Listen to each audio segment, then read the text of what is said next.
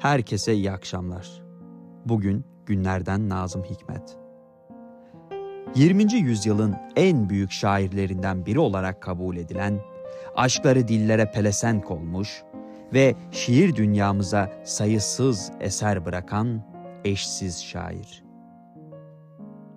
Hikmet Bey ve Celile Hanım'ın oğlu olan Nazım Hikmet, 15 Ocak 1902'de Selanik'te dünyaya gelir. Babası Hikmet Bey, çeşitli illerde valilik yapmış olan Nazım Paşa'nın oğludur.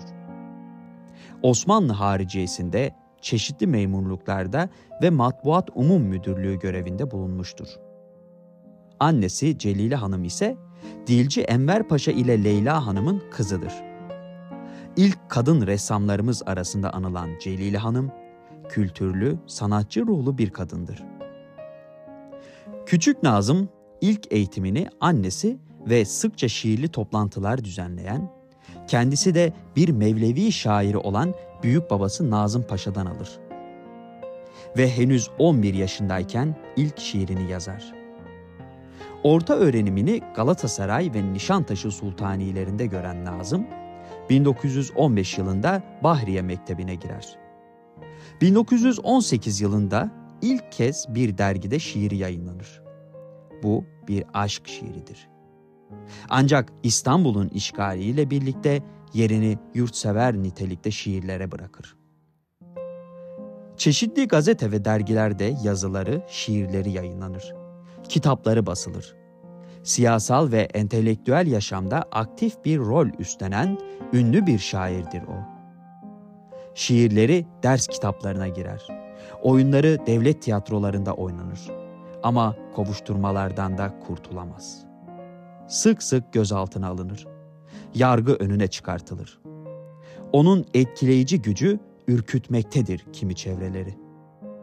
Düzmece davalarla yaşamının 17 yılı hapishanelerde geçer. 1950 yılında ulusal ve uluslararası düzeyde düzenlenen kampanyalar sonunda çıkarılan genel af yasasıyla serbest kalır. Ne var ki yaşamına yönelik komplolar nedeniyle yeniden yurt dışına çıkar. Ve ölene dek yurduna, halkına, sevenlerine hasret şiirleri yazacağı göçmenlik yılları böylece başlamış olur. Bu dönemde uluslararası barış ödülü sahibi bir sanatçı olarak barış hareketi içinde aktif rol alır.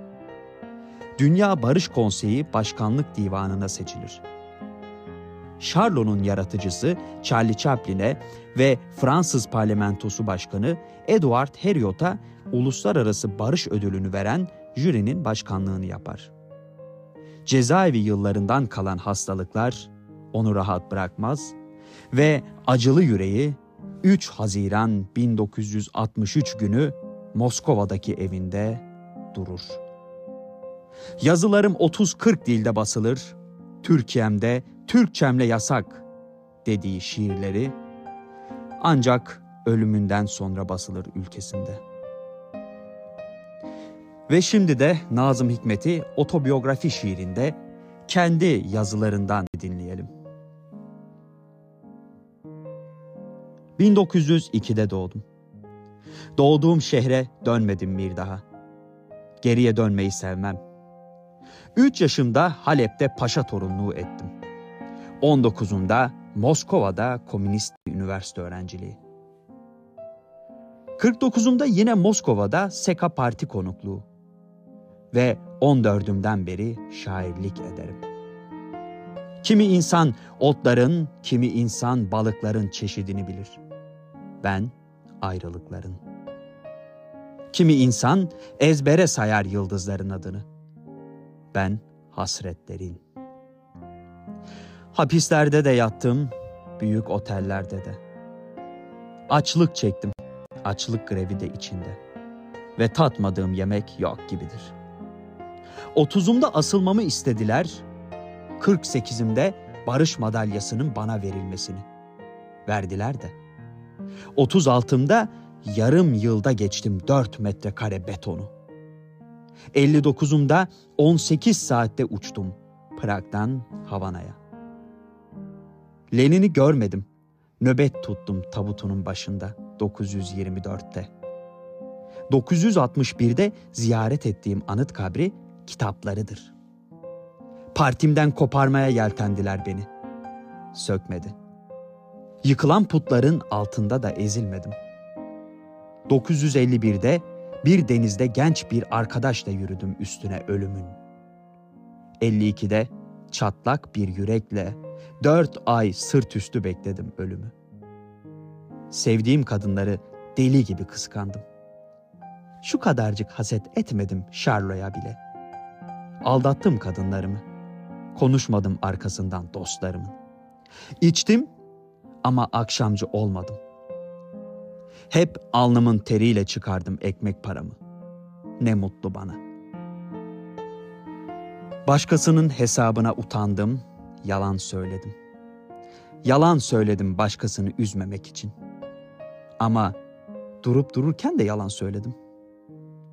Bindim trene, uçağa, otomobile. Çoğunluk binemiyor. Operaya gittim. Çoğunluk gidemiyor adını bile duymamış operanın. Çoğunluğun gittiği kimi yerlere de ben gitmedim.